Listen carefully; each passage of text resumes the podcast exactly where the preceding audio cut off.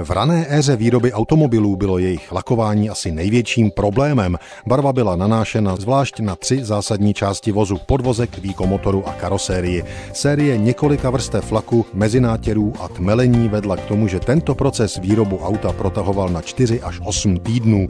Řešení hledal i Henry Ford, který vyráběl automobily na pásu už od roku 1912. I jemu vadilo, že lakování celý proces brzdí. Lakovna ani zdaleka nestačila tempu linky. To vše změnil 4. červenec 1920. Tento den jeden z výzkumníků v chemické laboratoři americké firmy DuPont provedl pravděpodobně úplnou náhodou reakci, která vedla přímo k výrobě revolučního typu automobilového nitrocelulózového laku. Lak dostal obchodní název Duco. Společnost DuPont ho posléze začala automobilkám prodávat jako lak vyrobený z chemicky ošetřené bavlny, pigmentů a rozpouštědel. Navíc byl ve srovnání s dosavadní výrobní praxí doslova rychle schnoucí. Stačilo 15 hodin a pokud výrobce zajistil dostatek tepla i méně.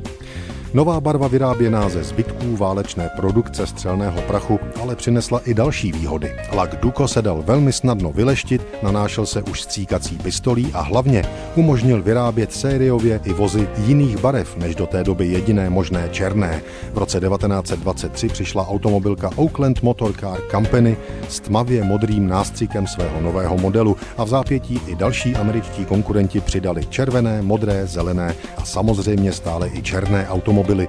To vše umožnil náhodný vynález anonymního amerického chemika firmy DuPont ze 4. července 1920.